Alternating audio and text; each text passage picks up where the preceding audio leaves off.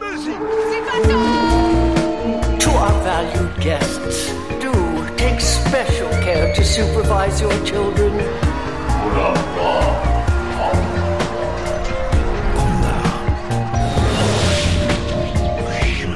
Het is weer ochtend in Pretparkland. Goedemorgen pretparkland en welkom bij je ochtendelijke pretpark podcast. Mijn naam is Ellen Daats en samen met Jelle Verhels doe ik vanmorgen een graai in de Instagram Grabbelton.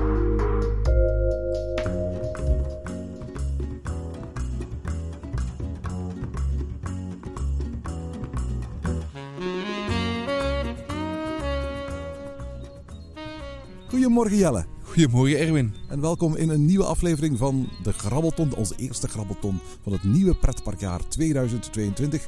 We zitten op een bankje, de zon zit weer uit, we zijn weer begonnen. Ja, we kijken hier op een eh, bloemenveld. Het is lente en lente betekent eh, het begin van de pretparkseizoen. Hè? Ja, inderdaad. Wat was jouw eerste pretpark van pretparkseizoen 2022? Ik schaam me een beetje, Jo, nu gaan we het horen. maar ik heb eh, toevallig, per ongeluk, Je bent dat op, maar ben ik op Plopsa Station binnengeland. Plopsa Station. Ja, eigenlijk het nieuws. Ik ben er zelf, we zijn nogal samen geweest toen het Comic Station was. We hebben er ook een aflevering nog de pretpark over gemaakt. Dat is het indoor pretpark helemaal aan de achterkant van het station van eh, Antwerpen Centraal. Wat, wat bracht jou in Plopsa Station? Ik had met een vriend afgesproken in Antwerpen en eh, hij was een half uur te laat. En ik, had een, ik heb een Plopsa abonnement, Juist. dus ik dacht, eh, ik heb dat nog niet gezien. En ik wou eh, toch eens gaan kijken. We hebben toen de vorige keer trouwens de droptoren niet gedaan. Die daar, Klopt, inderdaad. Ja. Die was in, eh, in onderhoud toen. Ja, van Kiekeboe toen. Hè. Dus, eh, dus nu was die van Wiki de Viking. Dus ik wou die zeker eens gedaan hebben. Want eh, ja, luisteraars weten er toch van. Dus ik moest die toch eens gedaan hebben. Ehm, en ik wist toch dat die storm op Steder stond. Dus ik dacht, ja, twee attracties toch die ik kan doen. Ik ga daar toch eens even langs. Op een half uurtje tijd. Erwin, ik was er binnen het kwartier terug buiten. Alright, je, je zegt het zo stellig, maar voor alle duidelijkheid. Jij bent niet de doelgroep voor dit pretpark. Dit is een pretpark voor ouders met hele jonge kinderen. Hè? Ja, en die 4 euro voor een cola zero blik willen betalen. Oké, maar dat is Plopsa. Je hebt zelf een Plopsa abonnement. Dat wist je op voorhand, hè? Nee, maar ik, ik begrijp het niet goed. Je, je, je zit daar in het centrum van... In, in het station. Dus je hebt rondom allemaal restaurants, cafés. Ga je daar binnen en dan vraag je zo'n woekerprijs. Maar echt woekerprijzen. Maar juist omwille van het feit dat ouders hun kinderen niet in de steek willen laten natuurlijk. En eigenlijk, het is een beetje zo'n beetje luchthavensituatie. Die ouders gaan een terrasje doen, kijken uit op hun kinderen. En kunnen dan alleen maar daar consumeren natuurlijk. Goed, in ieder geval, ik heb één attractie gedaan. En waarom niet die mini sledgehammer? Want die hebben we nog samen gedaan in, in Koevoorden, hè? Ja, die droptoren heb ik dus gedaan. Maar die eh mini sledgehammer... Je moet ook weten, het was een zaterdag. Het park was zo goed als leeg. Misschien even ter verduidelijking voor onze Nederlandse luisteraars. Hier in België is het op dit moment paasvakantie, dus alle scholen zijn dicht. Dit is het moment, wijze van spreken, dat dat soort parken eigenlijk bezoekers moeten trekken. Ook omdat het weer de afgelopen dagen niet super is geweest. Hè? Nee, voilà. Dus ik dacht, ja, hier gaat wel wat volk zijn. Maar nee, het was eigenlijk heel leeg. Eh, bij Storm op Zee stond niemand. Dus bij de, eh, de mini sledgehammer stond niemand. En ik ga de wachtrij en ik zeg tegen de jobstudent die er staat... Ik ga jou werk geven, al lachend. En de jobstudent zegt, ja, ik mag hier geen volwassenen alleen in laten. Ik zeg, hoe, waarom niet? Ja, als je een kind bent mag het wel, maar ik mag niet alleen volwassenen, want dat ding kan het gewicht niet aan van alleen volwassenen. Ik zeg, ja, maar, maar voor duidelijkheid, een, een, tien kinderen wegen een stuk meer dan één volwassene. ik, zeg, ik- ik ben alleen. Ik snap dat je die, die frisbee niet mag vullen met alleen volwassenen, maar je mag die toch wel vullen met alleen één volwassene. Dat is toch geen probleem? Nee, mag niet. Ja, ik heb er niet gediscussieerd en ik ben gewoon terug vertrokken. eh. We hebben even nagekeken op de website of het eventueel ook bij de beperkingen stond. Eh, er is- er is inderdaad een lengtebeperking, maar jij bent langer dan 1,30 meter, dus daar kan het niet aan gelegen hebben. En voor de rest staat er, je moet een, een zeebonk zijn om erin te kunnen. Misschien ben ik geen zeebonk. Ja, absoluut. Zo, eh, Dat zou kunnen. Nu, de droptoren was wel oké. eh, dus je, je zit in een droptoren en je kijkt eigenlijk naar een scherm van, eh, waar drie figuurs van Wiki de Viking op staan. Ik dacht, die gaan iets leuks doen. Nee hoor, die staan gewoon een beetje te wankelen. En dan op het einde gaat de vlag naar of, of het, het zeil van het schip naar beneden. eh. Zeg, jij klinkt niet super enthousiast over die eerste pretparkbezoek van 2022, Jelle. Goh, als je na een kwartier naar een pretpark uit bent, dan eh, kan je daar moeilijk enthousiast over zijn. Ik moet wel zeggen, eh, nog twee dingen opgemerkt. Ehm, het, het, ja, de, de glijbaan is weg, dat De weet je. grootste indoor glijbaan ter wereld was dat, hè? Die is weg. En ook het grote ehm, indoor speelgebied. Dat zo in het midden van die, van die traphal eigenlijk zat. Ehm, die is ook weg. Ze hebben helemaal om de gelijksvloers dan een, eh, een, een indoor, ja, zo'n zo'n playground gemaakt voor kleine kinderen. En eh, wat me ook opviel, is dat het Suske en Wiske gedeelte, dat daar een, een mechanische attractie is geplaatst, terwijl dat daar eerder zo van ruimte naar ruimte een soort van walkthrough was. Dus die twee, dat is echt wel aangepast. En voor de rest zijn er ja, toch wel wat eh, mechanische attracties toegevoegd aan dat park. Is die Kiekeboe Cakewalker nog? Ja, die is er nog. ik weet nog dat we die toen gedaan hebben. Ja, die heb ik niet gedaan. Ik wil even gaan kijken. Oh, En en het is de Smurfen Dark Ride. die was er ook nog. En het eh, theater was open. Daar zijn we ook eens even binnen geweest. Juist, de Suske Wiske was dat toen. De Suske Wiske film. Ja, en nu eh, spelen ze gewoon een FC de kampioenenfilm. Oh, gewoon, gewoon echt een langspeelfilm van de FC de kampioenen. Ja. Bizar. Ja. Dat is echt bedoeld voor ouders die echt zich ter plette vervelen terwijl hun kinderen in de softplay bezig zijn. En zich extra willen vervelen dan. ik ben wel een grote fan, maar dat is misschien voor, voor mensen die graag naar podcast luisteren, eh, van onze collega-podcast Mij Gedacht. Dat zijn drie mannen die elke aflevering naar een, eh, afle naar een aflevering... Oh, jij luistert naar een podcast over FC de kampioenen zonder liefhebber te zijn van FC de kampioenen. Ja, maar die drie jongens zijn ook geen liefhebber van FC de kampioenen. Ah. En het enige wat hun bindt is eigenlijk gewoon, we gaan, allee, de reden om na- naar tv is van we kijken af en FC de kampioenen en we bespreken die, maar altijd een beetje neer, allee, neerhalend de aflevering. Als jij nu over de Plopsa Station bezig bent. Voilà. En ehm, daarnaast ehm, gaan ze die ook ehm, gaan, gaan ze heel veel mails beantwoorden en over hun, ja, ze, ze wijken altijd heel sterk af. Het zijn altijd afleveringen van zes uur of zo, dus eh, enorm lange afleveringen. En dat is, eh, ja, mijn Vlaamse eh, staat altijd bovenaan in mijn eh, Spotify-lijst, omdat die natuurlijk zo'n lange afleveringen maken. Zeg, haalt ehm ehm, Plopsa Station het einde van 2022? Ik denk dat ze dat nog wel halen, maar ik vraag me af hoe lang dit park gaat blijven bestaan. Ik, ik, het leek me niet een park gebouwd om lang te blijven bestaan. Er is natuurlijk al iets, iets, iets, raars aan de hand met het park. Het is een, het is een park dat, dat Plopsa niet alleen heeft gebouwd, maar samen met DPG Media, een uitgeversconcern van onder andere de Smurfen, van onder andere Suske en Wiske. Aan de andere kant vermoed ik dat er ook heel wat mensen zijn zoals jij, die een abonnement hebben op een van de andere Plopsa-parken. En zeggen van, als we toch eens naar Antwerpen zijn, en elke Vlaming komt al een paar keer per jaar in Antwerpen, dan pikken we eens een, een- een, dagje Plopsa Station mee. Voor niks dan.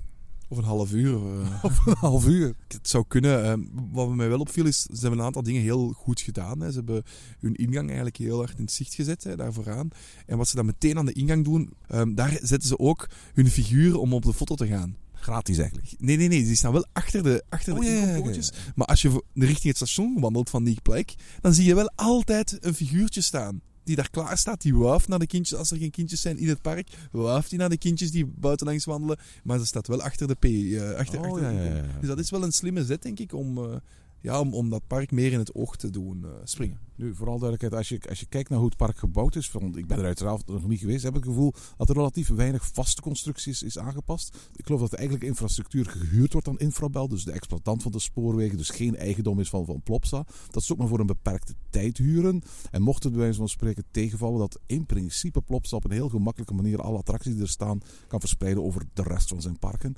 En aangezien daarvoor de helft een mediapartner aan heeft bijbetaald, zou dat in het geval van een, van een faillissement of gewoon een stopzetting best wel eens een lucratieve zaak voor, voor, voor Studio 100 kunnen zijn.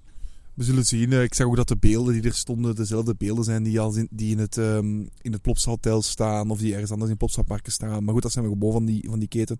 Ehm, het park is opgevuld. Heeft, een, het heeft wel een duidelijker structuur gekregen. Hè. De structuur van, Plops, eh, van, van Comic Station was eigenlijk heel ingewikkeld. Hier hebben ze du- trappen aan toegevoegd dat het eigenlijk van in het centrale gedeelte heel duidelijk is. Dit is het centrale gedeelte. Hier heb je de trappen minder in die achtergangen en zo verder. Dus op dat vlak zijn we met een duidelijkere structuur. Ehm, maar ja, het, het, blijft ja, een, een vreemd indoorpark, om het zo te zeggen. Eh, en zeker, ik ben zeker niet de doelgroep. Ik geloof dat kleine kinderen of, of families met kleine kinderen daar effectief veel plezier kunnen hebben. Maar dan denk ik, ja, er zijn ook ehm ehm, indoorparken zoals eh, Mega Speelstad, waar ouderen gratis binnen mogen. Hier is een ticket voor ouderen meer dan 20 euro. Dat is een groot verschil, denk ik dan.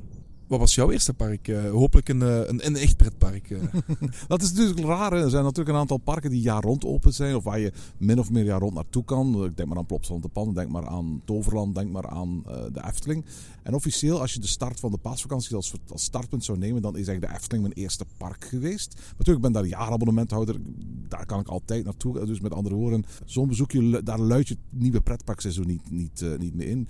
Komende dinsdag ga ik voor de 30ste verjaardag naar, naar Disneyland Parijs. Maar ook dat is natuurlijk een park waar je jaar rond naartoe gaat. Ik denk dat het eerste park dat ehm, eh, echt een seizoenspark is en dat dus echt nog maar pas geopend is waar ik binnenkort eens naartoe ga, dat dat Walibi Belgium gaat worden voor nog eens een aantal ritjes Conda.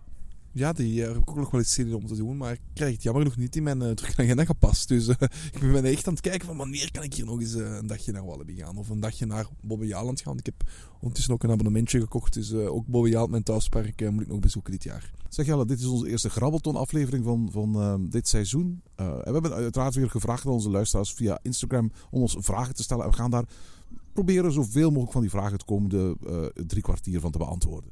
Oké, de eerste vraag is een vraag waar ik zelf niet kan op antwoorden. Milo Nuitink zegt hier: Is Alton Towers nog de moeite waard om naartoe te gaan?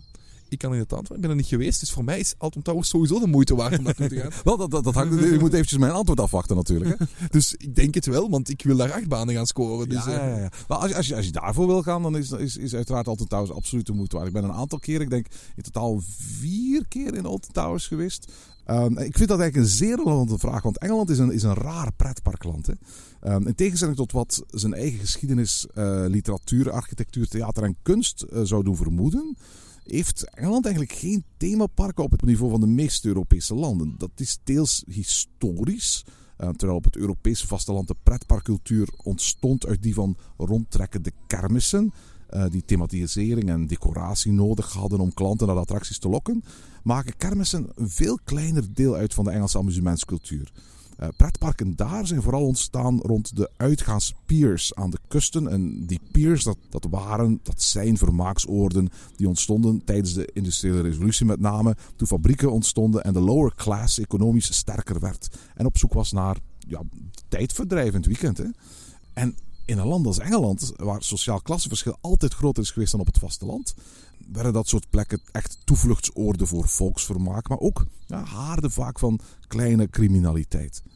Dat imago van entertainment voor de, de lower classes, dat, dat, dat hebben Britse pretparken, alle Britse pre- pretparken, nooit echt van zich af kunnen schudden. En de invloed die, die Disney bij ons had om er een luxe product van te maken, dat zich in prijs, qua thema, qua aanbod liet meten in Europa, met parken als Europa Park, Fantasyland en Portaventura, dat had je daar nooit. Britse pretparken zijn altijd een plek gebleven voor fastfood, gokspelletjes, betaalattracties, schreeuwerige decoratie. Eigenlijk, ja, ik ben ooit wel in Thor Park geweest en eh dat kan ik gewoon beamen. Dat is een, ja, die Merlin-invloed, maar ik vind die Merlin-invloed, vooral in die, Amerika ah, in die Engelse parken, sorry, zo groot te voelen. Als je dan naar een Duits park kijkt, of naar Italië, naar Gelderland, ook geen, fan, ook geen grote fan van die twee parken. Een Heidepark dan in Duitsland. Ja, ik ben daar geen grote fan van, maar daar voel je wel die invloed minder, vind ik, van die, van, van die Merlin-groep die daar, ja, dat, die gokspelletjes en die geschreeuw en, en die jongeren die daar eigenlijk de, de sfeer aan het verpesten zijn. In die Dat heeft natuurlijk vooral te maken met het feit dat die, die Duitse en die Italiaanse parken natuurlijk een geschiedenis hadden voor Merlin. Ze zijn ontstaan in beide gevallen eigenlijk als familieparken, gerund door een, door een familie. eh, en zijn pas daarna eigenlijk in handen gekomen van zo'n zo'n organisatie. Dat, voor de Engelse parken is dat vaak anders natuurlijk. Ja, ik denk ook dat het publiek gewoon heel anders is. Hè. Zoals je beschrijft, is het eh, in de Engelse parken ja, gewoon vaak eh, Engelse jeugd die vrij wordt gelaten in die parken precies. En die daar dan ja, met, met, met alle ja, ergernissen die wij in pretparken zien, eh, voorsteken, duwen, trekken, eh, ja, eh, dat daar gewoon de gewoonte is in die parken. Ja, in, in de verschillende bezoeken die ik, gebracht heb aan Alton Towers de afgelopen jaren, heb ik dat toch telkens sterker en sterker zien worden. In, in de jaren 90 wierp Alton Towers, met name door de opening van Nemesis, zich, zich op als het park dat mogelijkerwijs dat tij een beetje kon keren. Maar toen kwam het terecht in steeds weer andere handen. Hè. Onder meer eh, een hele tijd eh, in de handen van Merlin. Eh, die de koers die ooit door John Wardley was ingezet inruilde voor een ja, op- en top commerciële insteek. Het was dat zonder veel finesse, stijl of smaak. En opnieuw als een op- en top Brits lower class product. Thema werd inruilbaar, gebaseerd op tijdelijke IP-licenties die onvermijdelijk telkens enkele jaren later weer moesten worden verwijderd. En eigenaren gaven duidelijk de voorkeur aan snel scoren met eh, kermisattracties naar het park te laten halen of dure voorsteekpassen te introduceren. Het gevolg is dat Alton Towers in alle opzichten eigenlijk is blijven steken ergens ja, een kwart eeuw geleden. En zijn aantrekkingskracht vandaag eigenlijk nog altijd dankt aan investeringen die toen zijn gedaan. Of aan die paar grote rides die er daarna nog zijn bijgekomen. Alton Towers is momenteel vooral een beetje een, zieloospark waar een oude kasteelruïne en kasteeltuinen omzoomd worden door een steeds minder goed onderhouden aanbod van oude attracties. Die vooral voor stedelijke jeugd in training park lokken. Hè. En dat is jammer, want het was ooit een park waar overal in Europa naar gekeken werd als de Britse evenknie van parken als de Efteling, Europa Park, PortAventura of Park Asterix. Maar helaas, die tijden liggen alweer lang achter ons. Uh, Nielo, om je op je vraag te antwoorden. Is Alton Towers nog altijd de moeite waard om te bezoeken? Ja, voor je coaster count. Er staan een aantal prima achtbanen. Maar je een themaparkliefhebber zoals wij, dan kom je echt in een park terecht dat, dat een trein heeft gemist en heel veel moeite gaat moeten doen om, om waar veel parken zich in Europa nu bevinden, zelfs de Plopsas, om dat nog bij te benen. Wat dat ook eh, voor mij een beetje mij weerhoudt om daar naartoe te gaan, het is dubbel. Hè. Als, als, als tiener of als oudere tiener, of als twintiger, jonge twintiger, dat ben ik ondertussen niet meer. Maar was het ehm, naar Engeland gaan en moeilijkheid toch om een auto te huren, want je moet links rijden. Dat is toch ook een van de. We moeten er nog even bij zeggen dat je daar, ja, als je een auto wilt huren in zo'n, in zo'n land, dat toch wel moeilijker is dan, dan dat hier te doen. Of er naartoe rijden en je moet altijd links rijden, hetzelfde verhaal. Nu ga je ook nog eens een paspoort moeten gaan halen. Absoluut. Nee, Sinds de Brexit. dus je gaat daar niet meer zo makkelijk naartoe als dat we te konden. En De, de vluchten zullen nog altijd wel heel goedkoop zijn. Hè, want ik denk dat je met eh Ryanair heel goedkoop naar de, in, de, in de buurt kunt vliegen. En nog een aantal andere grote parken mee kunt eh, betrekken als je daar een auto huurt. Ehm, maar wat ik, en dat vind ik nog wel de grootste, en dat valt mij elk jaar opnieuw op. De openingsuren zijn zo raar en zo kort. Die hebben zo'n korte openingstijden. Er zijn echt dagen waar dat letterlijk het park sluit om vijf uur. Wat betekent dat de meeste attracties al om vier uur de wachtrijen sluiten. Hè? Ja, en, dat, en dan denk je van, ja, oké, ik ben hier wel op vakantie. Hè. Als, wij naar een, als wij nu denken aan pretparkvakanties, zeker de vakanties die wij graag doen, dan zitten we in Disney World, in Disneyland. Die parken zijn open van 10 tot 11. En dan bedoel ik niet maar een uur, hè. dan bedoel ik 13 uur voor alle duidelijkheid. Hè. Ja, maar ja, dat is, wel, dat is meer dan dubbel zo lang van, dan, dan, die, dan die een dag in, eh, in Tourpark, waar je bijna dezelfde prijs voor betaalt. Want het, is geen, het zijn geen goedkope parken geworden. Dus ja, daar... Ehm, ja, niet de Disneyprijs uiteraard, maar wel van die andere grote Europese parken. En, en dat vind ik toch wel een, eh, een jammerlijke zaak, dat die ja, niet meespringen op, op die laat, laat, eh, ja, avondopenstellingen.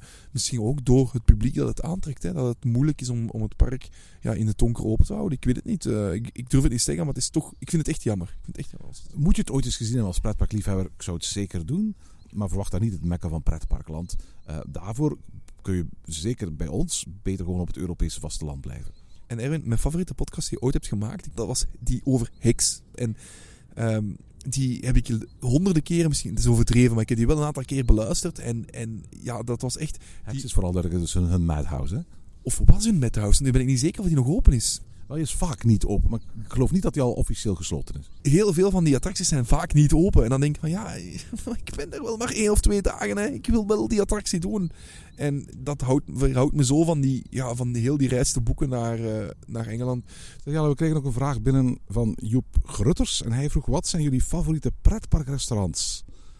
Heb jij favoriete pretparkrestaurants? Dat is zo'n vraag die heel vaak is binnengekomen. Hè. Een aantal luisteraars van ons hebben gevraagd: wat is je favoriete restaurant in de Benelux, in Europa, in Disney? In...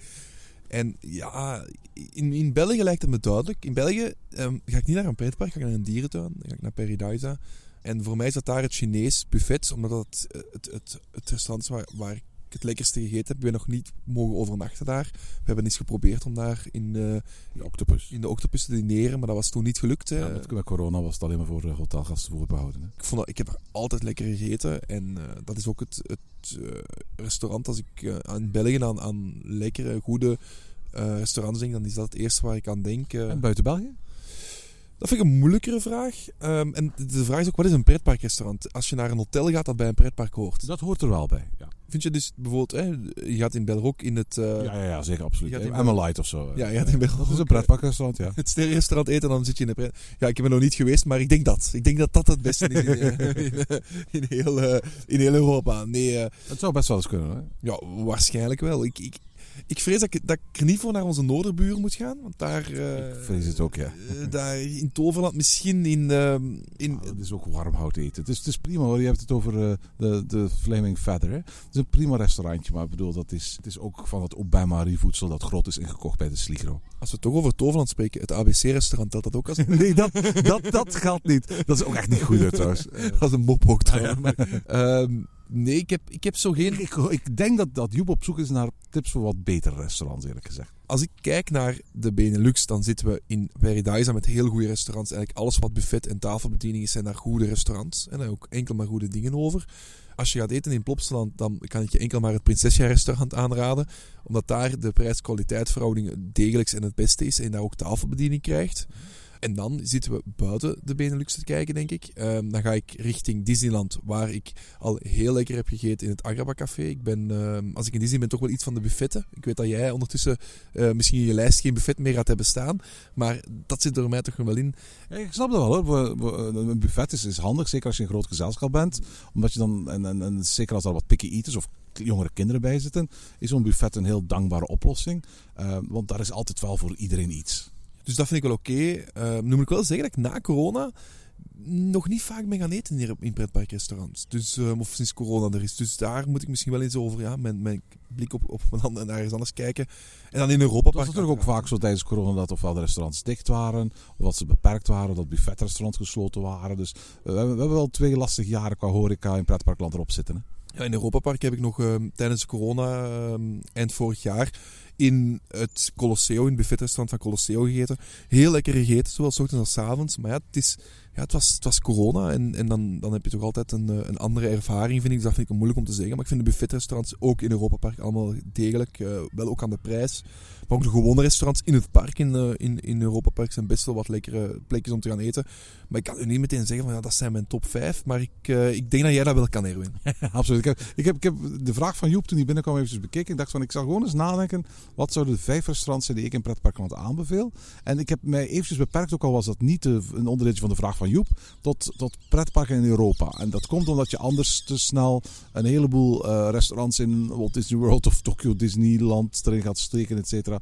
En dan trekt die vergelijking natuurlijk helemaal scheef. Dat zijn resortvakanties waar mensen vaak voor een week of langer in die pretparken zijn. En dan weten die parken ook van, dan hebben die gasten geld, maar vooral tijd om, om lekker en lang uit te eten. Dat heb je natuurlijk veel minder als je maar één dag of twee dagen in een pretpark bent.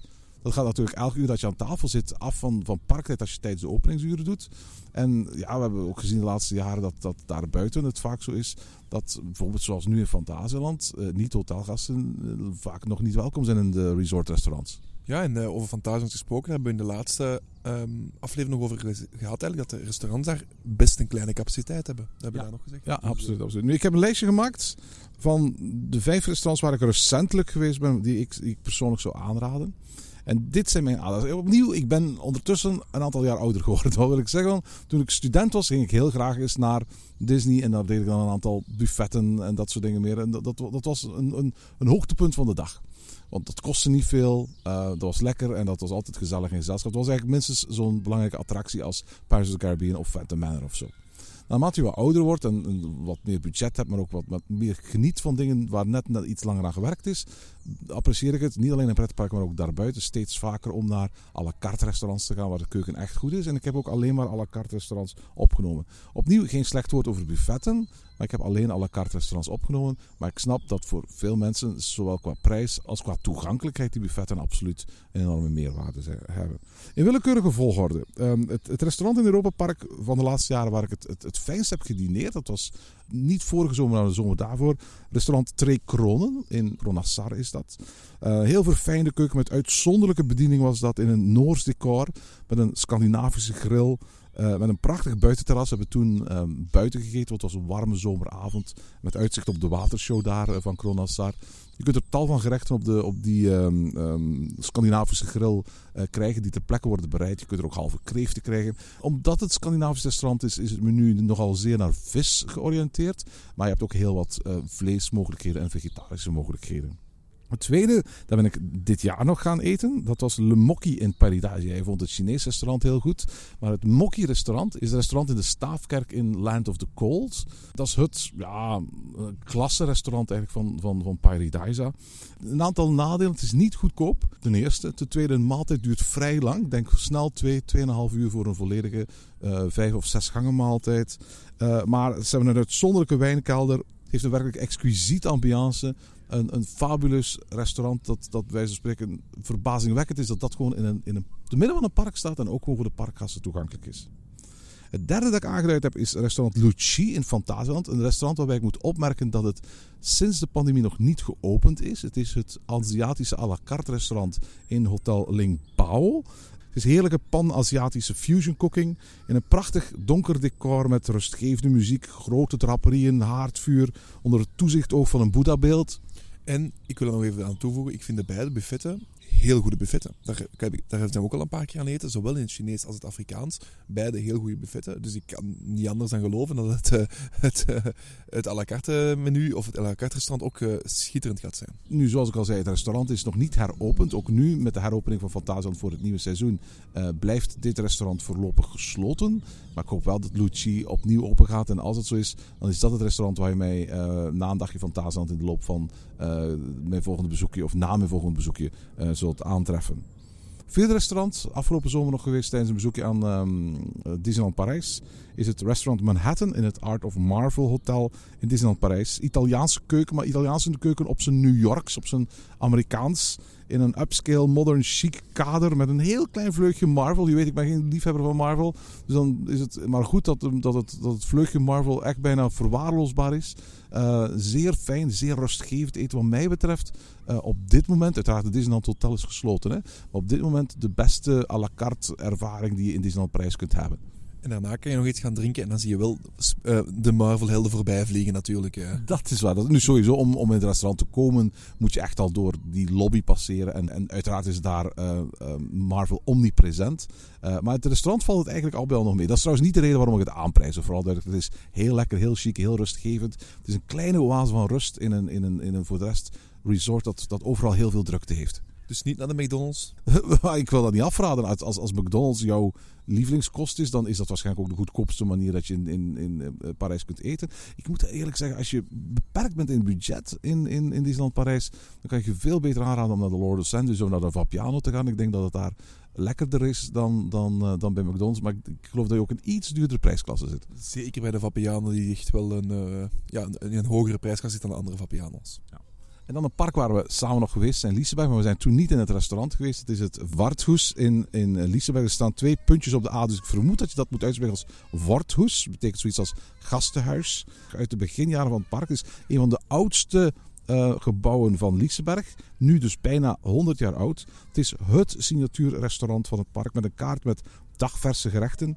Uh, veel vis uiteraard, maar je zit in, een havenstad. Ik heb er voor het laatst gedineerd uh, met de IAPA-beurs in Göteborg. En ik herinner me nog van toen dat het een van de meest verfijnde eetervaringen was die ik ooit in een, in een park heb meegemaakt. Ik moest er toen gelukkig niet voor betalen. Ik heb wel de rekening gezien. Het is ook een van de duurste pretparkrestaurants waar ik al ben gaan eten.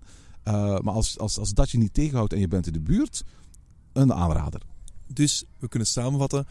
We hebben de dure restaurants toch wel uitgehaald hier. Ja, maar ik, ik, ik, denk dat Joep ook had opgekeken als ik nu um, het Witte Paard als aanrader had meegegeven. dat denk ik ook wel, ja. Dus ja, het is inderdaad zo, als je vraagt naar de beste restaurants, dan ga je niet naar de fastfoodketens uh, in, in, de, in de parken. Uh. Die kun je ook gewoon elders in de wereld doen, dus waarom zou je dat doen als je in een pretpark bent? Ah, Zo'n koketje uit de muur halen, dat uh, kan je toch niet overal doen natuurlijk. dat, dat hoort... In België in elk geval niet. In Nederland kan het echt overal. Hè? Dat hoort er toch bij in, in de Efteling, als je naar de Efteling gaat om een koketje uit de muur te halen. Dus ook daar mag je naartoe, Joep. Alright Jelle, doe eens de volgende vraag. Goed, uh, we hebben net eentje binnengekregen van Erwin Rasser en hij vraagt... Vinden jullie het vervelend als jullie als kritisch worden neergezet na een kritische opmerking in de podcast? Ik ben overlaatst nog uh, verschenen op een... Uh... Op een grote pretparknieuwswebsite op het internet? Ja, klopt. Ehm, waar waar ja, mijn mening werd gevraagd. Um, en ik ik vind het op zich niet vervelend als, als mijn mening juist wordt gerapporteerd, zoals ik die ook in de podcast zeg, of zoals ik die zeg tegen uh, die interviewer dan. Ik zal het zo even, om geen namen te noemen. Uh, en dat was ook niet dat, dat ogenblik. Dus ja, ik, mijn, kritische uitspraak over bijvoorbeeld, uh, als we een jaar terugkijken, over de opening van Conda, waar het eigenlijk een beetje in de soep liep met de voorsteekpasjes, vind ik, heb ik er geen probleem mee dat die kritische noot wordt overgenomen of als kritische noot wordt gegeven in nieuwsberichten. Um, het zou jammer zijn als, als mijn woorden worden verdraaid of zo verder, maar dat is tot op heden niet gebeurd, denk ik. Dus uh, ik heb daar niet zo'n groot probleem mee. Erwin, jij wel? Nee, nee eigenlijk niet. Ik, ik geef eerlijk toe, zijn we kritisch? Um, ik, ik, ik denk dat we dan vooral heel eerlijk zijn.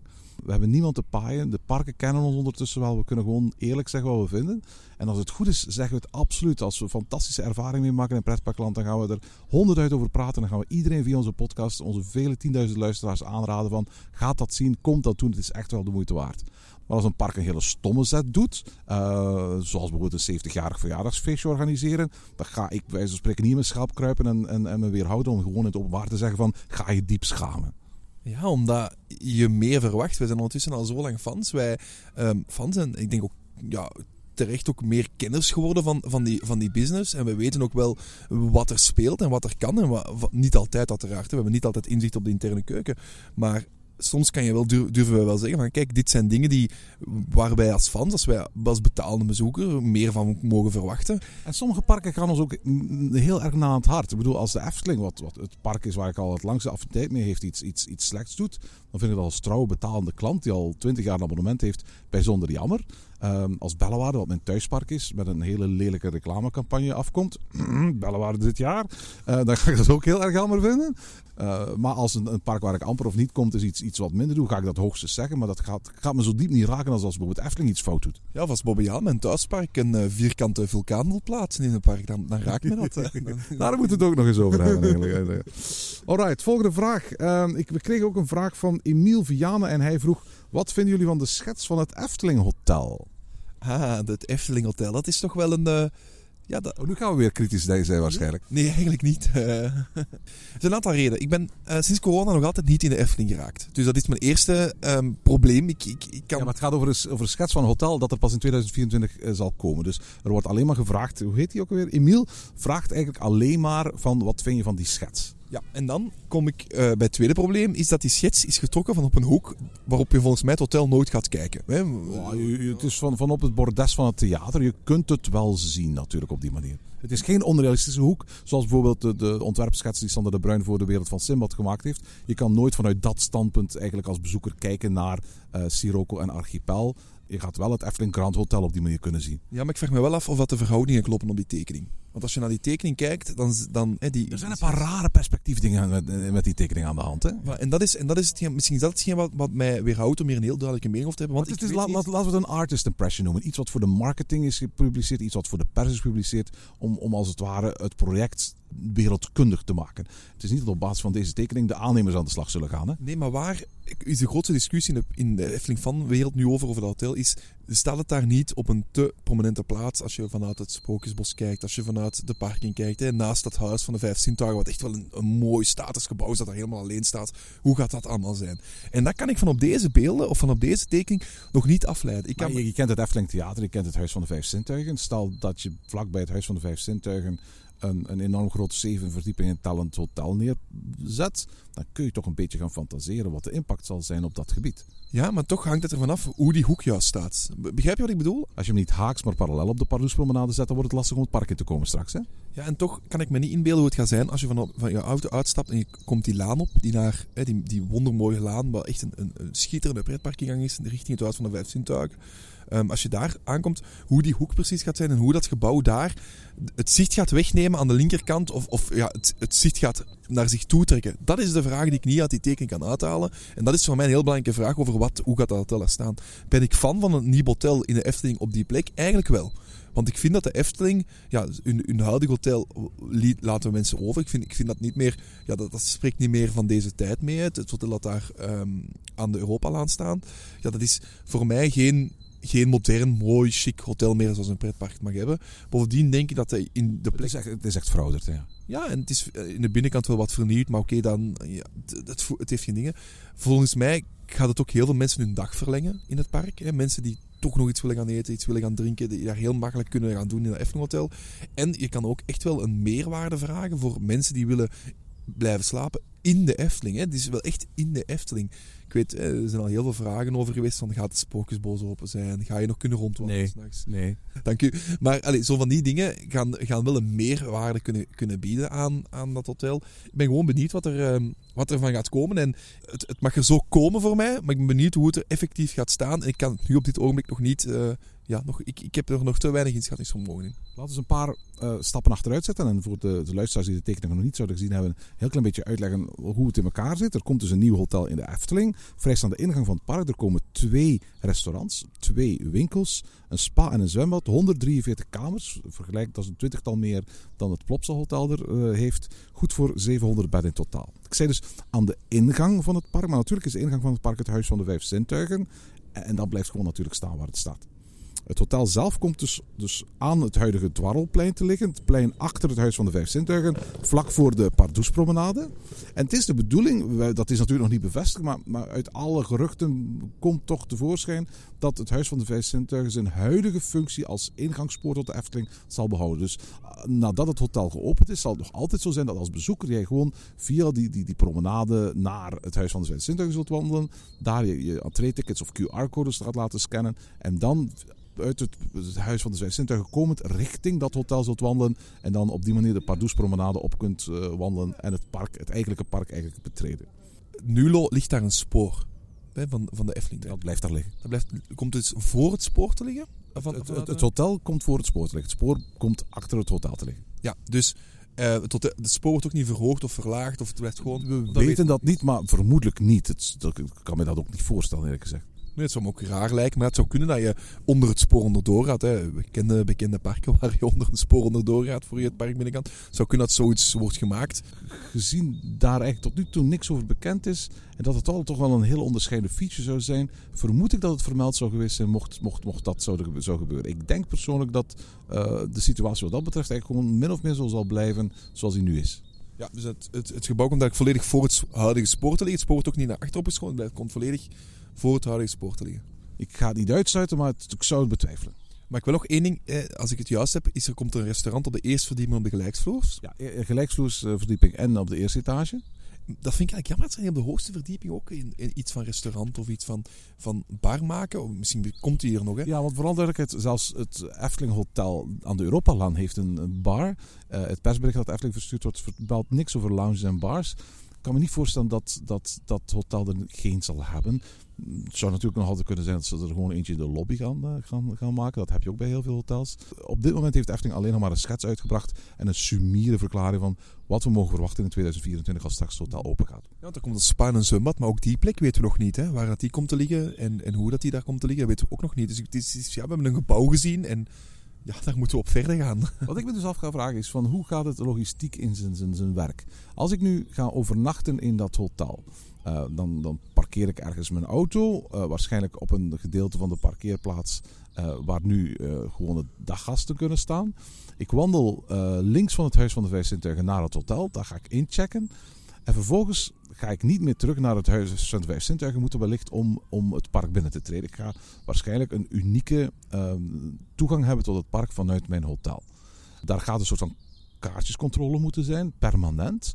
Om ervoor te zorgen dat, dat gasten zonder kaartjes, eh, niet via het hotel natuurlijk, het park binnenglippen. Een gelijkaardig voorbeeld zie je bijvoorbeeld in het Plopsa Hotel in, in de Pannen, waar er ook een aparte eh, permanente bewaking is bij een hotelingang in het, eh, in het hotel. De vraag is dan, wat voor soort beschikking krijg je als gast van het Plopsa Hotel over de ruimte die voorzien is? Ik geloof nooit dat je in de Efteling vrij zult kunnen rondlopen na parksluiting. Maar de vraag is bijvoorbeeld, zal het huidige dwarrelplein, dus het gedeelte achter het Huis van de Vijf Zintuigen, toegankelijk zijn voor ehm, eh, hotelgasten? Ergens vermoed ik dat ook niet. Ik denk dat je eigenlijk als hotelgast alleen maar in het hotel zult kunnen en op de parkeerplaats. Misschien het, het buitengedeelte van het hotel. Hè? De, de restaurants zullen een buitengedeelte hebben. De, Juist. Ja, De- de, terrassen ja, eigenlijk. ja, ja. ja, ja. Het Je zult, je zult bijvoorbeeld volgens mij, tenzij er iets te doen is, niet zomaar naar het theater kunnen wandelen of zo.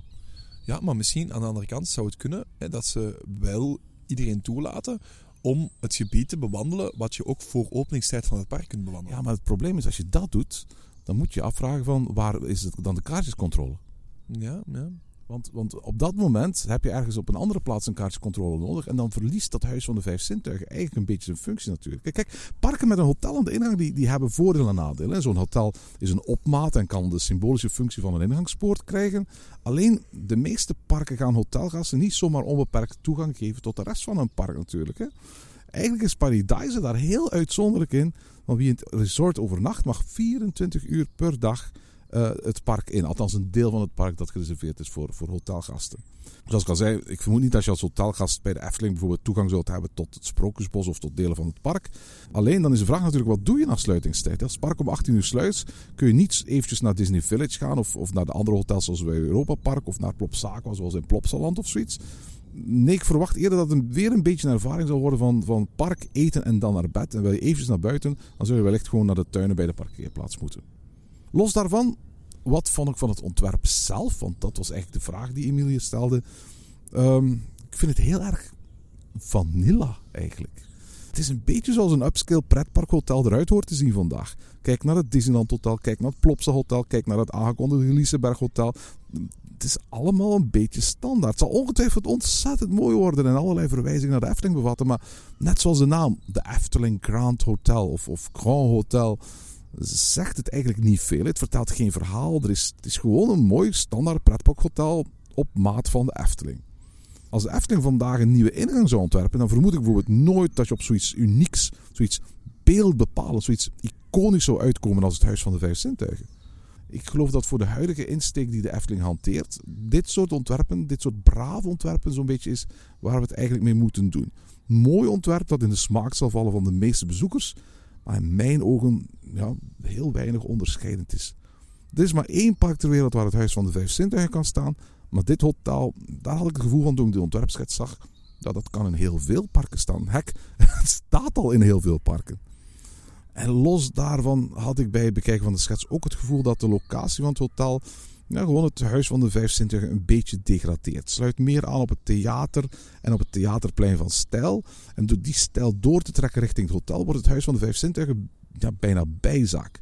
Ik hoop dat dat huis daarom in de toekomst een, een prominenter, misschien nieuwe functie kan krijgen. Maar nu heb ik het gevoel dat daar de, de, de kaartjescontrole eigenlijk vooral gehouden wordt, omdat je toch maar eenmaal iets moet doen met het Huis van de Vijf Zintuigen. Je kunt het niet afbreken. Ja, bovendien lijkt het mij ook, uh, we hebben al vaker gezegd, het dringend tijd dat de Efteling, uh, dus ik hoop dat het ook in dat hotel komt, een, een gastenservice krijgt in het park zelf. Want Ja, nu, ja. Dus ik hoop dat dat ook iets is dat in het park kan komen. En dan uh, moet er hier misschien helemaal iets, een nieuwe functie voorzien worden voor het Huis van de Vijf Zintuigen. Twee opmerkingen nog. Ten eerste, ik vraag me heel erg af hoe het hotel er van de achterkant uit gaat zien. En vooral wat de aanblik zal zijn als je van de Pardoespromenade richting het hotel gaat wandelen. Daar, dat, dat kunnen we op dit moment natuurlijk niet zien.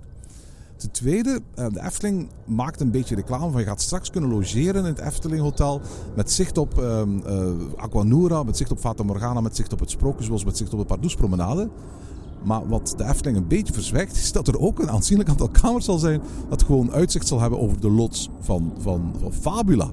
En ik geef eerlijk toe, als ik ooit in het Efteling Hotel overnacht, dan ga ik er alles aan doen om ervoor te zorgen dat dat niet het uitzicht is dat ik op mijn kamer zal hebben. Mij ook opvalt is dat hè, als ik, als ik die, die schetsen bekijk, dan is er een grote ingangpoort. Eigenlijk een, in het midden van het hotel een grote poort. Maar als ik dan denk hoe dat, dat daar kan liggen, dan lijkt me dat niet aan te sluiten rechtstreeks op de...